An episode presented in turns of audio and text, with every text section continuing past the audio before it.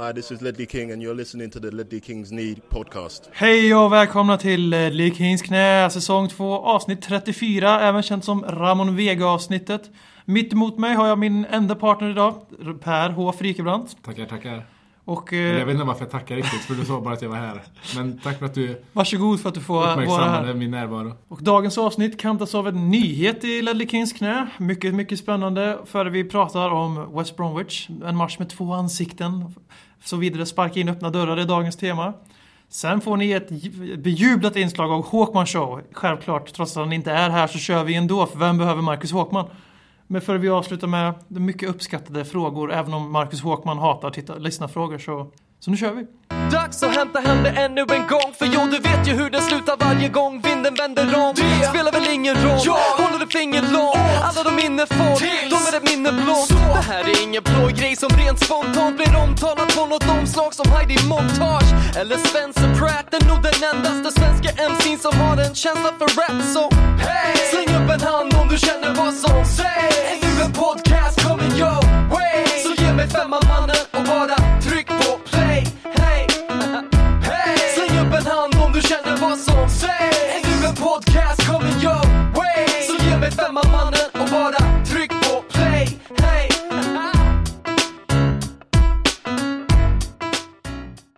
säsong som präglats av hårresande försvarsmisstag från Tottenham Hotspur FC.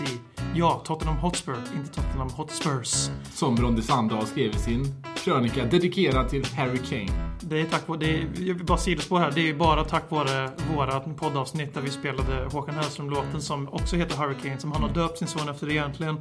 Och sen kopplade till Hurricane, fotbollsspelaren, bara enbart tack vare Ledley Kings knä. Och det är fakta och ingen kan motbevisa det, så jag har rätt. Alla religion. Så, tillbaks till... I en säsong där Tottenham Hotspur FC har gjort hårres hårresande försvarsmisstag match efter match. Inte mindre än 19 mål har förekommit av individuella misstag från Tottenham-försvarare eller mittfältare eller anfallare eller målvakter. Så presentera Ledley Kings knä den nya eh, utmärkelsen The What the Fuck Award som utgår till de absolut sämsta och de mest hårresande försvarsmisstag som hänt säsongen 2013-14 och äran att dela ut priset faller Per Frykebrant. Tack så mycket för den fina presentationen. Inte av mig, men utav vårt inslag. Fick den här idén av MTV Movie Awards. Eh, det heter Movie Awards va? Ja, det gör det. Eh, där de har ett, just ett, ett sånt pris, What the Fuck Award. Och ja, What the Fuck Award, det, What the Fuck, det, liksom, det, det präglar ju väldigt mycket Tottenhams försvarsspel den här säsongen. Svar ja. Och det här, vi, vi har ju en, en prisutdelning i slutet av varje säsong också. Vi hade det i fjol. Eh, Tony Parker fick Good Guy Award, ett, ett, ett pris som även jag presenterade. Eh, jag vet inte vilka andra pris vi hade. H- Årets frisyr. Årets frisyr hade vi, någon, hade vi Årets mer? orgasmål, något liknande sånt där. Ja, det, många i alla fall. Och vi ska ju såklart ha en sån i slutet av det här året också. Men det passar väldigt bra att ha en liten sån här What the fuck award, så därför har vi det. Eh, musik brukar man också ha när, det- när, det, när man delar ut såna här priser. Och jag tycker att det, den musiken, eller den låten, som på något sätt symboliserar Tottenhams försvarsspel mest av alla låtar är ju Keyboard Cat. Utan Så vi, vi sätter på den här.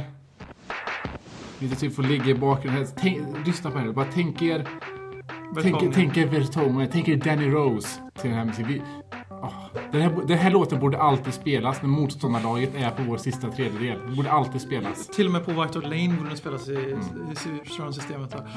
De nominerade är Jan Vertongen, 1-0 målet mot Chelsea, borta. Inom loppet av bara några sekunder lyckas Super-Jan förvandla en Eriksgata på vänsterkanten till ett what the fuck moment som innebar en sprucken nolla efter hela 55 minuter. Nytt klubbrekord. Jan Banan inledde sin Mona Lisa med lite slapstick-rammande för att sedan i panik, liggandes, slå en vacker bakåtpass. Även den i Mona Lisa-klass till en 25-årig Samuel Eto'o. Kyle Walker, 0-målet mot United, hemma. Inget att säga. Walker var Mata innan Mata var i United. Ett Danny Rose-inlägg från Uniteds högerkant förvaltade Sheffields Mata på bästa sätt. Rooney kunde glatt tacka Moyes nya assistkung. Kyle Walker. 4-0 målet mot Chelsea. Borta. Tre misstag och tre mål var inte nog. Tottenhams jappstam bestämde sig för att stänga av hjärnrespiratorn och frispela en Chelseas jappstam, Dembaba. Det vackraste var nog ändå att han lyckades det ingen annan lyckats med. Att göra Hugo Lloris rosenrasande. Och vinnaren är Kyle Walker! 4-0 målet mot Chelsea borta! Det är vackert. Ja, det här var... Magi! Att han får det här priset, eh, det är ju för det är är stor heder, stor heder. Och det är någonting som, man har liksom kunnat skratta åt Tottenhams misstag den här säsongen. Och det här misstaget i sig var verkligen det som personifierade. Man bara satt där i Men soffan, det är stod redan hans 3-0. från i fjol när han gör, gör exakt lika hårresande misstag mot Liverpool. Så vi får ju nästan säga att han har vunnit två år i rad. Ja, han är, han, han, är stark på det här. Han håller sig liksom, han, han håller Mm. sig på toppen helt enkelt. Det, jag är stolt för Kyle Walkers skull. Ja. Om vi går tillbaka, ska vi, om vi pratar lite Tottenhams defensiv, för det finns ändå någonting som ligger, som det här bottnar i. När vi får de här så kallade rövknullingarna, som man, man, man lite glatt brukar kalla dem det, så, så, så klagas det ofta på moral och allt det här. Det håller jag inte alls med om. Strukturfel, inbyggd strukturfel. Ja, jag, blir, för jag, jag, ska inte, jag klagar inte på folk som till exempel Håkman, som, som hela tiden pekar på att det är moralen som gäller, att ja, sälja av truppen och bla bla bla. Det är oerhört, det är väldigt lätt sak att, att klaga på. Och det är enkelt för oss som sitter och bara twittrar att, att, att peka på sådana grejer. Men det, för det första, självförtroende. Självförtroende gör så oerhört mycket. Jag kommer ihåg när vi hade Kolla spelat... försvarsspelet första tio omgångarna när vi Ja, släpper in ett, precis. några mål för huvudtaget. Då hade vi inget på, för självförtroende offensivt istället. Mm. Då gjorde vi inga mål, men vi höll fan med i nollan nästan varje match. Samma spelare. Ja. Och det, jag tänker inte säga tränarargumentet för de gjorde samma kollapser under AVB som under Tim Sherwood. Mm. Men vi ser ju det, det är självförtroendet i början jämfört med självförtroendet efter det börjar rasa lite. Mm. För vet, när vi, när vi spelade in den här intervjun med Niva så körde jag hem från Stockholm och sen så när vi kom till, till Karlskoga och hem på kvällen och, och jag körde så jag var, jag var tvungen att svänga av kanten och lämna över till Håkman skulle köra, för jag kunde inte köra en bil längre. Mitt självförtroende var kört i botten bara för jag, jag vet inte varför. Det, någonting som jag gjort varje dag i sju år kunde jag helt plötsligt inte göra längre. Och när jag skulle parkera bilen så bara, glömde lägga i handbromsen och när jag drog ut nyckeln så gick den i sönder. Jag kan bekräfta att allt det här är 110% Ja. sant. Och då, då det, om någonting jag gjort varje dag i sju år jag helt plötsligt inte kan göra, då är det klart som fan att, att självförtroende, det här är ändå såklart proffs vi pratar om, men det är klart att det, att, att, att det sänker procenten med en, en Och det två, räcker, fem, det, sex räcker procent. det räcker ju mot de bra lagen. Det är ju faktiskt bara absolut. bra lag som har verkligen lyckats dunka in. Mm.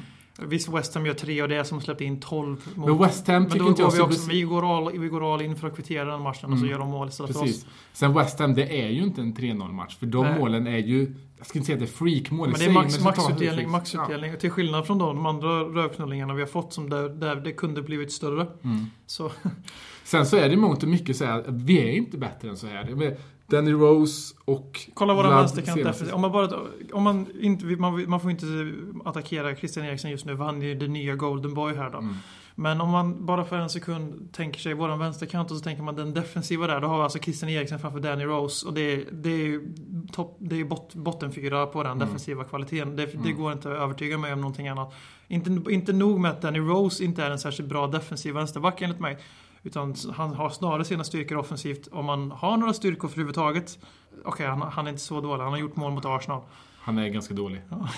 Christian Eriksen är en fantastisk offensiv spelare. Defensivt håller han inte måttet i Premier League. Framförallt inte på en kant där man faktiskt måste ta sin gubbe. För det blir väldigt, väldigt, väldigt sårbart annars. För det blir två Mm. mot en mot Danny Rose. Och då tycker jag så här att visst, Tim Sherwood har fått ut väldigt mycket offensivt av Christian Eriksen genom att spela honom där. Men defensivt har vi också blivit kassa på vänsterkanten. Så det är liksom, vad väljer vi? Det är lite mer Tottenham att gå för den offensiva fördelen. Men det är väldigt mycket, bli sjua i ligan, att inte täcka på det defensiva. Mm. Så, och sen har vi också våran kära högerkant där vi har inte direkt järnreserven som spelar högerback i Tottenham Hotspur. Nej, och så, om, om vi går tillbaka till det här med, med individuella misstag, för de flesta där har ju ändå kommit under Tim Sherwood. Jag ska, jag ska inte lägga in det här tränarargumentet, men på ett litet sätt kan man ändå säga att, att, att jag ska göra det. För det som det är, är att vara en coach, är kanske inte nödvändigtvis liksom Visst, på matcher du kan säga gå ut och göra ditt bla bla bla. Men det, det en co- ändå handlar om är att, att liksom coacha spelare. Har du gjort ett misstag så ska du se till att den spelaren inte gör samma misstag igen. Och vi har ju misstag efter misstag efter misstag efter misstag. Och det, det jag inte förstår och som jag inte förstår varför det inte kommit upp är att varför har inte snacket kommit upp om att vi inte har en defensiv coach? I laget. Som jag på fulla allvar just nu tror att den rollen axlas av Stephen Freund. Ja, vad, vad gör han annars då? Det, det pratas Spurs TV och säger fel lag Ja, och det var det under AVB, när vi gjorde ett misstag eller en, en kollaps, liksom, ja, den, den, det exempel man kan dra och som man alltid drar är ju efter, efter Everton i Ja, fjol och det är med all borta. rätt också, Precis. för det var en markant förändring. Ja, och det är det en, en coach ska göra. Du ska se till att någonting dåligt som hänt inte händer igen. Men den, då- den, den utvecklingen ser vi inte under Tim Sherwood. påminna då, det var som hände då vi släppte in väldigt mycket mål i slutet på matcher. Då la AVB om träningen tillsammans med mina assistenter så den var mer intensiv i slutet av träningen istället Mm. för början av träningarna. Vilket kanske gav en effekt till varför vi så trögstartade i år och Mm. i slutet av förra säsongen också. Men var också en förklaring till att vi var helt plötsligt jävla monster i slutet av matcherna. Mm. Så det är absolut, det är, alltså, det är ner till coachen. Du måste förändra sådana här saker. Det Mm. är, oavsett vem som är coach så får det inte se ut så här. Precis, och det är liksom visst, det är upp till spelaren själv. Det, det är inte Tim Sherwood som kan gå in och säga Nej. liksom, och liksom, ja, nu ska vi vara vakna från start och allt det där. Utan det, men det är ju man management det handlar om. Ja, men det är bara den här bilden, är det, är det inför Liverpool när spelarna står i, ska gå ut på... på Det är? City, typ. ja eller jag vet inte vad jag menar. För jag vet City, då var det... Vertongen står och lutar sig mot, eh, mot väggen och ingen ser Ja. alls Ja, intresserad det av att. Den bilden, jag tror det är Liverpool, jag kommer inte ihåg det helt men det, är liksom, det där är inte ett lag som är taggade för att spela. Mm. Och eh, jag tror tyvärr att den här säsongen blev förstörd i samma moment som vi ganska överilat enligt mig då bytte riktning mitt under säsong. Sen ska jag inte, ingen skugga över Sherwood sen eftersom det är inte hans val att göra. Det är inte han som har sagt åt livet nej men nu får du sparka den där jävla AVB så tar jag över. Men det som hände då är att väldigt många spelare som blev sålda på AVBs pro- projekt. ja, projekt. Men eh, det som hände då är att väldigt många av de här killarna helt enkelt Sen vi liksom på riktigt inte kunde ta Champions League längre, vilket var en Mm. stund sedan, har de helt enkelt bara spelat för att vara friska till VM, väldigt många, Mm. och orkar inte peka ut dem en gång till. Och då kommer det här Håkman kommer in med moral. Att de spelar för sig själva nu. Väldigt tydligt. Och då har vi en moralfråga, men det är ju fortfarande klubbhierarkin som har satt dem i den här sitsen.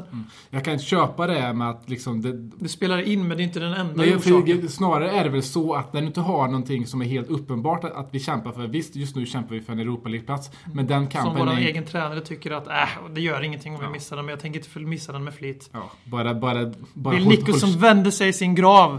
Ibland ska du bara hålla käften Tim. okej? Nej men gud, bara, liksom bara det att vi inte har någonting uppenbart att kämpa för, det drar också ner några procent. Ja, det är liksom. klart att det- det är Så- klart liksom, fan att det. Och när det är lag som, som anfaller helt enkelt så, så är de här, liksom, det är många procent som ackumuleras. Och vi, vi, vi har blivit svenska landslaget. Att, för när vi möter ett lag, så Tottenham, som försvarar sig, så är inte jag orolig. Kolla nu på West Bromwich senast. De, de använder nio man i sitt försvar liksom halva matchen och vi gör ändå tre mål. Eh, samtidigt, men samtidigt är jag jäkligt orolig när det kommer lag som ska anfalla för jag vet att vi inte kan försvara oss. Men det är väldigt kul för att eh, vi fick så, eller vi, klubben fick så mycket skit för vår målskillnad för, Mm. under AVB för vi släppte inte in, vi släppte, vi gjorde inga mål. Mm. Målskillnaden är fortfarande lika dålig, men vi gör jävligt mycket mål. Mm. Och det säger ju allt, vi släpper ju för fan in lika mycket mål nu. Det säger verkligen, det säger verkligen en sak. Mm. Att nu har vi, visst nu har vi en bättre offensiv, men det som Per är inne på, att det hjälper ju bara när vi möter lag som är, försöker försvara. Då gör vi mål ändå, vilket Mm. är Tottenham. Det är jävligt bra. Mm. Men vi kan inte släppa in tre mål mot West Bromwich Mm. på, på ja, två på fyra minuter. Nej. Liksom- Jag köper helt där att man, kan, att man faktiskt kan prioritera offensiven Ja, absolut, framför absolut, defensiven. absolut. Och att man bara lever på att göra fler mål Som än motståndarna. Ja, precis. Men det här, nu är vi bara så... Vi För har det här är det är ändå någonting som vi kan förbättra. Det, för det är liksom ok- okej att du släpper in mål för att du prioriterar offensiven lite Ja, mer. absolut. Men det här handlar ju inte om det. Nej men vi släpper ju in, vi släpper in helt patetiska mål före vi, Mm. för vi, det är inte så att vi går alla man upp och vi släpper in mål för, i helt samlade lägen. Vi släpper in mål på avspark mer eller mindre. Det har ju ingenting med att vi är offensiva att göra utan Nej. det är ju helt och hållet för att vi, vi, vi kommer ut felformerade till match. Kommer inte ut, spelarna kommer inte ut med 100% inställning och det, är, typ, är väl- det ansvaret ligger på oss dem där. Men visst, sen har vi ju sagt i den här podden tidigare att, eh, spelare, att det är tränarens jobb att få spelare att vara motiverade att prestera. Mm. Men allt det där hänger ihop. Men som sagt, det är väldigt förenklat att säga att det bara är moralens fel. Alltså Ja, det, det finns absolut. väldigt mycket andra aspekter. För, det man ser, för, för eh, vi fick ju ett helt nytt lag får man ändå säga. Och då, det är klart, det bidrar ju. För, och det syns Ja, väldigt men mycket. För, osäkerhet. För dels är det väldigt långt emellan lagdelarna och då är det också väldigt tydligt att de inte vet om de ska pusha eller om de ska sitta till exempel. Och det är också en sån grej så, som tränaren måste gå in och det, det där är man man- management och det handlar om kommunikation. Och det är en sån som Kabul till exempel som ska vara vår ledare i försvaret. Han har ju varit borta ett helt år och det märks väldigt tydligt att Ja, han är inte den ledaren tydligt. längre. Och sen, sen så då när vi har kanske tre av fyra i backlinjen ändå är, i alla fall inte på Premier League-nivå när det gäller fotbollstänket, då får vi det här i röven så Och sen när vi spelar, eh, spelar Chad Lee som central mittfältare Mm. tillsammans med Paulinho så har vi inte heller några som gör det defensiva jobbet och sätter press på bollhavare. Och då kan vilket jävla lag som helst vara Tottenham Mm. Hotspur. Om de får Ja. slå sådana bollar. Ja, och vi, vi är ju felbalanserade när det kommer till defensiv. Men sen, så är, sen är argumentet också Skador att, får man inte glömma. Det, det är ju början av, av matcherna vi släpper in de här målen och efter att vi har gjort det. Liksom, för det tar tills typ 2-0 i baken tills vi kommer igen. Och då dominerar vi oftast matcherna. Så att, okej, man kan ju ställa upp så som vi faktiskt gör. Men det är ju någonting, och man måste, vi- visst, fördelen av Sherwood vill inte spela med sittande mittfältare, det har de ju pratat på, det kan man ju ställa sig frågan till. Men om man har de problemen i försvaret som man har, om man inte tar tag i dem, då måste man i alla fall sätta ner en sittande för att liksom på något sätt ändå... Men för lagets bästa, precis som att AVB borde ha tänkt mer Mm. Ja. offensivt så måste... Måste- man arbetar Ja. på de här svårigheterna. Liksom man får gardera sig lite. Mm. Och sen, eh, sen vill jag bara lyfta, jag sa, det mitt i när när jag pratade, men att skador, vi har haft väldigt mycket skador, väldigt mycket turbulens i backlinjen, väldigt sällan vi spelar samma backlinje punkt, alltså i flera matcher i rad. Vi har alltid någon back som är skadad. Så det har ju givetvis spelat in också. Mm. Då har vi inte bara många nya mittfältare alltså så, utan vi har också en backlinje som aldrig liksom får lära känna varandra. Och det spelar ju in, för det ska sitta i ryggmärgen, du ska veta vad din partner gör. Och det märks framförallt på våra mittbackar. Mm. Som den fabulösa och underbara Bosse Pettersson brukar visa i Viasat-studion nu. Älskar Bosse Pettersson. Huvertongen och Kabul alltid försöker göra samma jobb. De försöker båda två styra av sidlinjen. Mm. Så det, det vi försöker så vi avrunda här är väl att vi har ungefär 20 anledningar till varför vi är kassa defensivt. Men slutpoängen är att vi är kassa defensivt. Och att vi ska anställa en, en, en defensiv coach så att inte Stefan Freud behöver ta det ansvaret. För det är ju Till exempel Ledley King. absolut Ledley King. Eller, eh, ja vad ska vi säga? George Graham.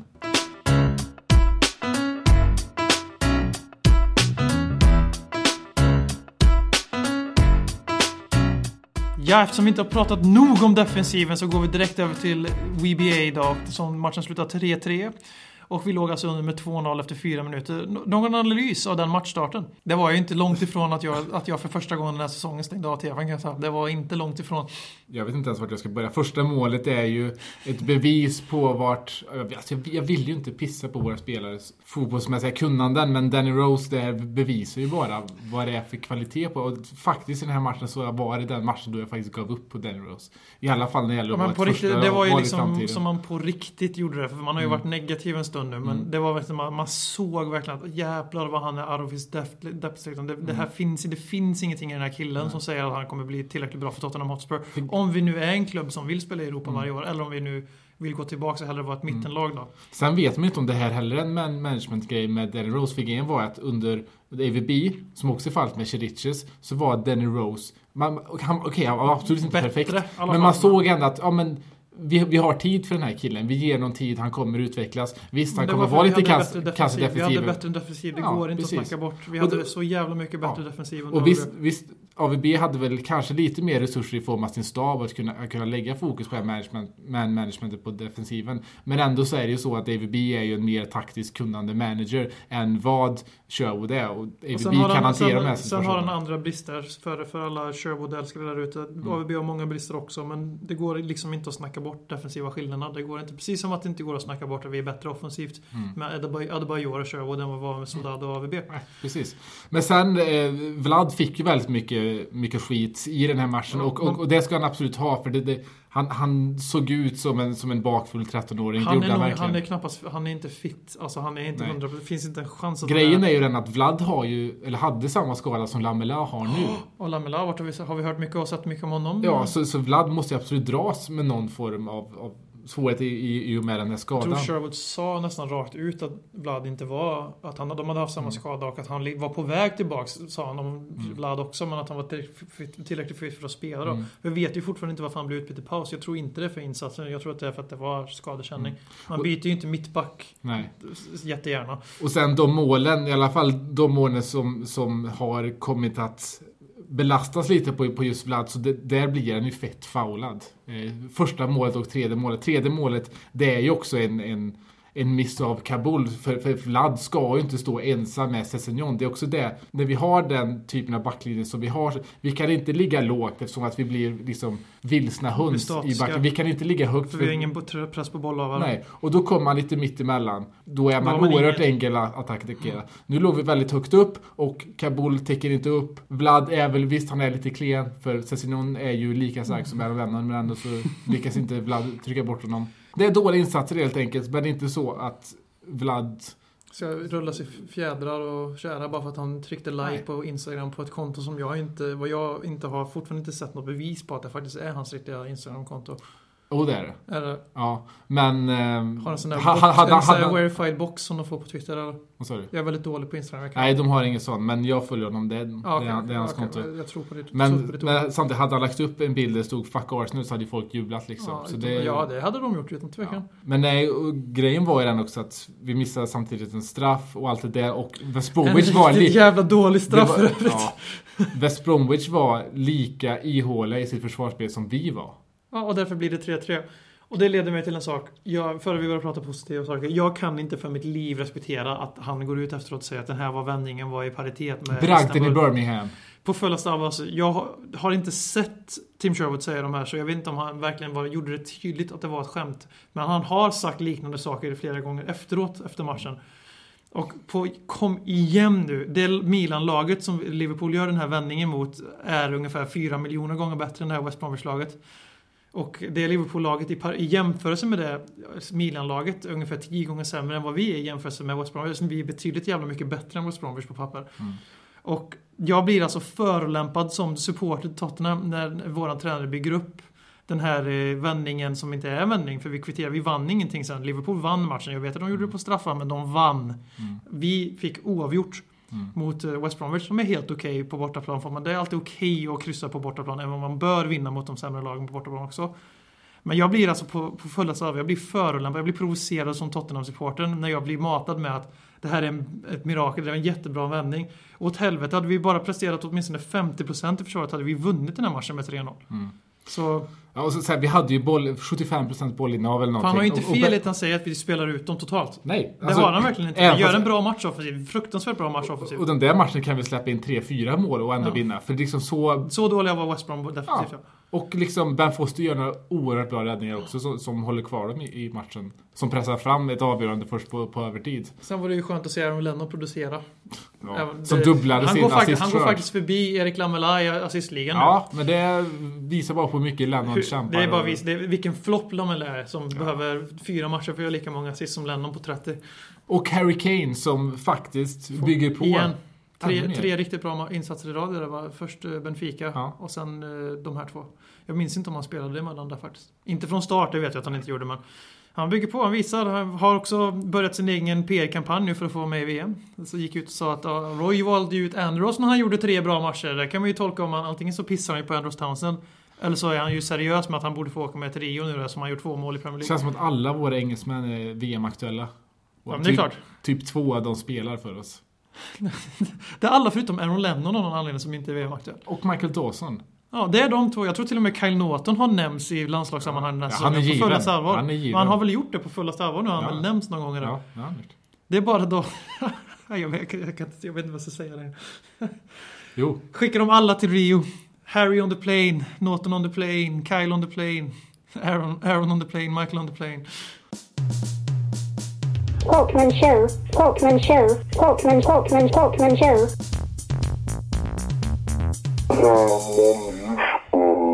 Yes, jag tänkte snacka lite om eh, bortaställ. Eh, och att bortaställ borde vara motsatsen till eh, hemmaställen.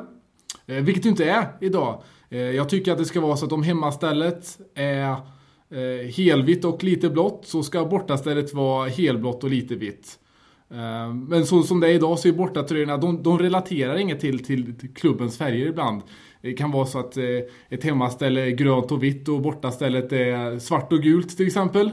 Och jag tycker man ska göra mer som i eh, med landslagsställen. Där hemmastället har ena en av flaggans färger och bortastället har den andra, andra färgen. Så, ja.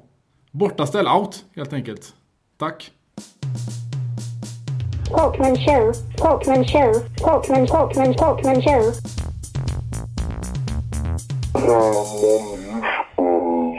Yes, vi är tillbaka och vi tackar alla er som har fortsatt att lyssna på den här podden och inte har stängt av bara för att Marcus Håkman inte är här. Vi hoppas att det har varit eh, eh, Eh, mödan lönt så att säga. Och om ni vill kanske träffa oss eller kanske till och med Håkman så kommer i alla fall vi fira Tottenham Hotspur Sweden, alltså Tottenham supporterförening i Sverige, även kallat TOSS, deras 10-årsjubileum i, i Stockholm i sommar. Vill ni gå på det så mejla då 10ar snabel-a tottenhamhotspur.se Alltså 10ar snabel-a tottenhamhotspur.se eh, Och kanske också en intresseanmälan om ni inte, ni inte riktigt vet än hur ni vill göra, men det är ändå väldigt viktigt för dem att veta ungefär hur många det blir så att de kan planera någonting som också passar den gruppen det kommer bli. Snackats lite om, kanske spela lite fotboll, kolla lite VM, kan ha en och annan öl och det, det gillar ju både du och jag, BM, eller hur?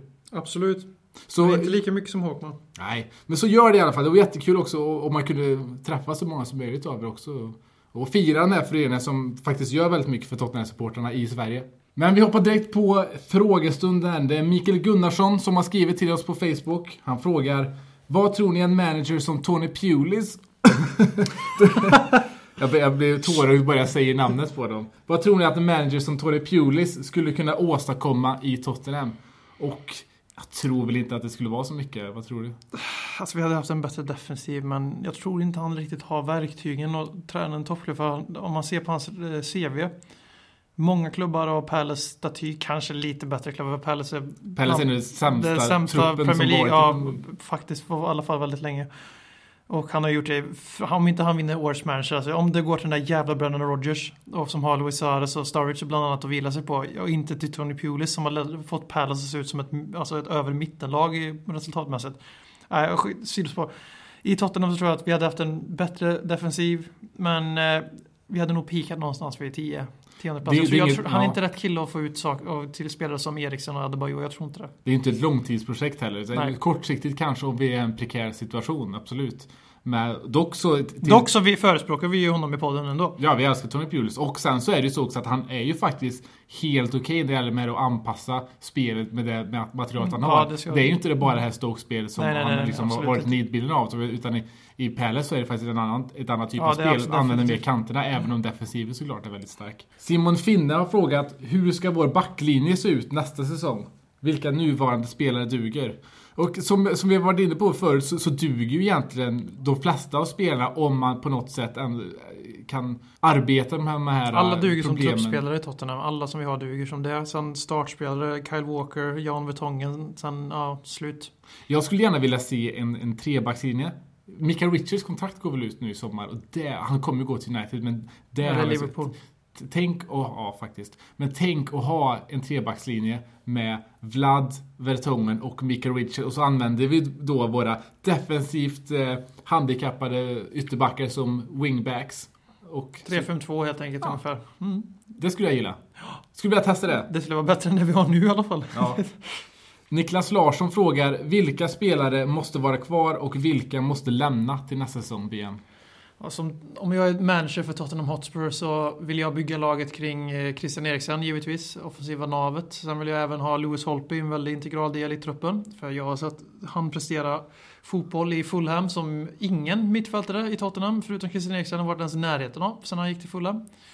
Och eh, det gäller även defensivt spel. Han, hade liga, han är bäst i ligan med vunna tacklingar. Lewis Holtby då, denna misslyckade superflopp. Som och även har gjort avgörande poäng och mål för dem. Och eh, hjärta, fighting spirit, alltid, tänker alltid framåt, snabba spel. Han och Eriksson tillsammans och så behöver man ha en städgumma. Och då är det ju Capo för att Sandro håller inte hela säsongen, men de två blir kvar. Då har vi ett mitt mittfält färdigt. Jag vill inte sälja så många egentligen. Adebayor ryker för jag tror inte att han kommer prestera för nästa tränare lika bra. Och han är en orosmoment i truppen. Benny Ekator ryker, samma skäl och för att han korkat går ut och försvarar en gest som är antisemitisk och inte har någonting i Tottenham att göra efter det. Då visar man ingen respekt för klubben som man spelar för, även om man är QPR. Sen ser jag alla unga killar får gärna vara kvar i truppen i olika roller, men får de Premier League-lån så skeppar vi allihopa. För ingen av dem är tillräckligt bra för att spela hela tiden och då står, då står min klubb i vägen för deras utveckling. Så Premier League-lån på Kane, Bentaleb och alla de där snubbarna. Loris vill ju vara kvar, men det här kommer ju inte ske. Vertongen, samma sak. Eh, Sen är jag väldigt öppen till backar och så. Men om jag ska sälja några så är det Adebayor ryker, eh, Paulinho ryker om jag får bud. Eh, Townsend ryker definitivt om jag får bud. Danny Rose ryker åt helvete om jag får bud. Aaron Lennon.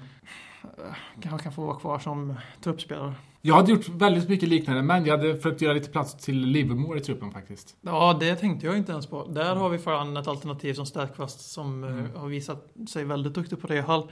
Sen om det håller i Spurs, det vet jag inte, men det vet vi inte förrän vi prövar. Vi skulle ju må bra av att ha Jake Livermore istället för kanske Sandro, eller ha båda två. Jag säger inte att vi ska ha Livermore istället för Sandro nu, utan jag säger med Sandro som är skadad 50% av säsongen så kan det vara bra att ha Livermore, Capo och Sandro.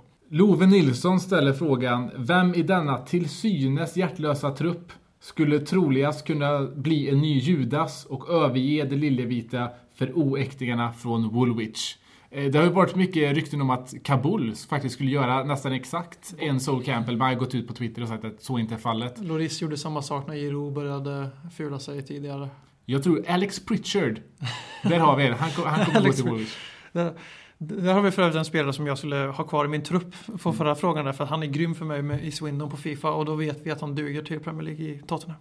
Men har du någon? Tror du någon? Capo? Nej, Holtby? alltså...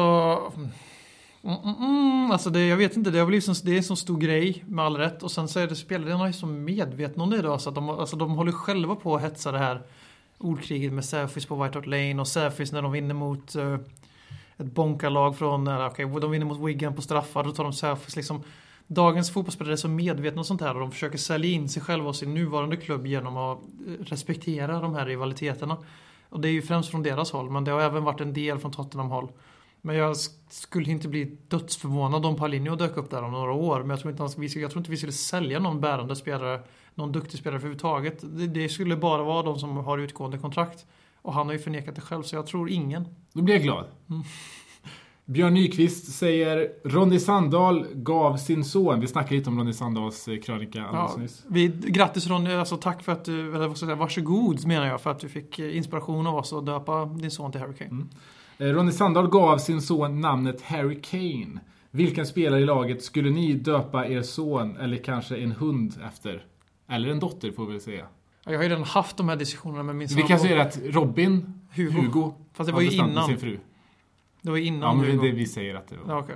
Förlåt. Det var på grund av Hugo Lloris. Mm. Jag har ju haft den här diskussionen med min sambo. Jag får inte döpa mina barn till Tottenham-namn. Jag har försökt vepa in Ledley väldigt snyggt. Men för jag vägrade döpa ett djur till Ledley för det anser jag var ovärdigt Ledley King. Jag, är- jag är lite konstig på sådana där sätt. Men eh, jag vill Lewis. Jag tycker om, jag tycker om eh, englis, angliserade namn eller Amer- americanized. Tunt. Ja. Lewis. Luca och Gareth kanske. Svår fråga. Jag, jag känner, eh, jag hade ju inte döpt min son sådär. Eller döpt hade jag alltså, men jag kanske tror- inte till något Tottenham-namn. Inte mer, jag tror faktiskt inte det Men av, av de, eh, vad ska jag säga, alternativen, eller de nominerade är Steffen och ja, kanske Les. Jag gillar ju inte konstiga namn. Jag tycker man ska ha, jag tycker man ska ha de här klassiska svenska namnen. Eh, Les Frikebrant. Mindre Frikebrant. Mi- Mina barn ska heta, det blir då döttrar Selma, Signe och, och söner Sven och Axel. Men ja, Steffen kanske kan slås in där, eller Nabil. Ja, Så där, hoppas att ni har, eh, de som är kvar av er i alla fall, av den här podcasten, när det inte är Håkman. Det var ju väldigt länge han inte var med. Eller sen han inte var, han har har han missat någon gång ens? Eh, jag, han har sagt att han har missat ett avsnitt, men jag kan då fan inte minnas att, jag, att, han, inte, att, han har missat ett avsnitt. Jag har Sådana aldrig missat sådana ett fall var det när Dronsfield fortfarande, äh, när Dronsfield var med varje vecka. Eh, Men han är i alla fall tillbaka nästa vecka och vi kör väl ett fredagsavsnitt nästa vecka också, eller hur är det för dig? Det är ju på grund av dig som vi måste lägga om de här tiderna. Jag är ju i, jag är ju på mitt arbete måndag till onsdag nästa vecka, så torsdag blir väldigt bra. Då kör vi torsdag igen nästa vecka. Vi Alltså hörs, fredag för er lyssnare. ja. vi hörs igen då. Ha det fint. Hej! Fan, jag skulle tryckt in en Heja Färjestad.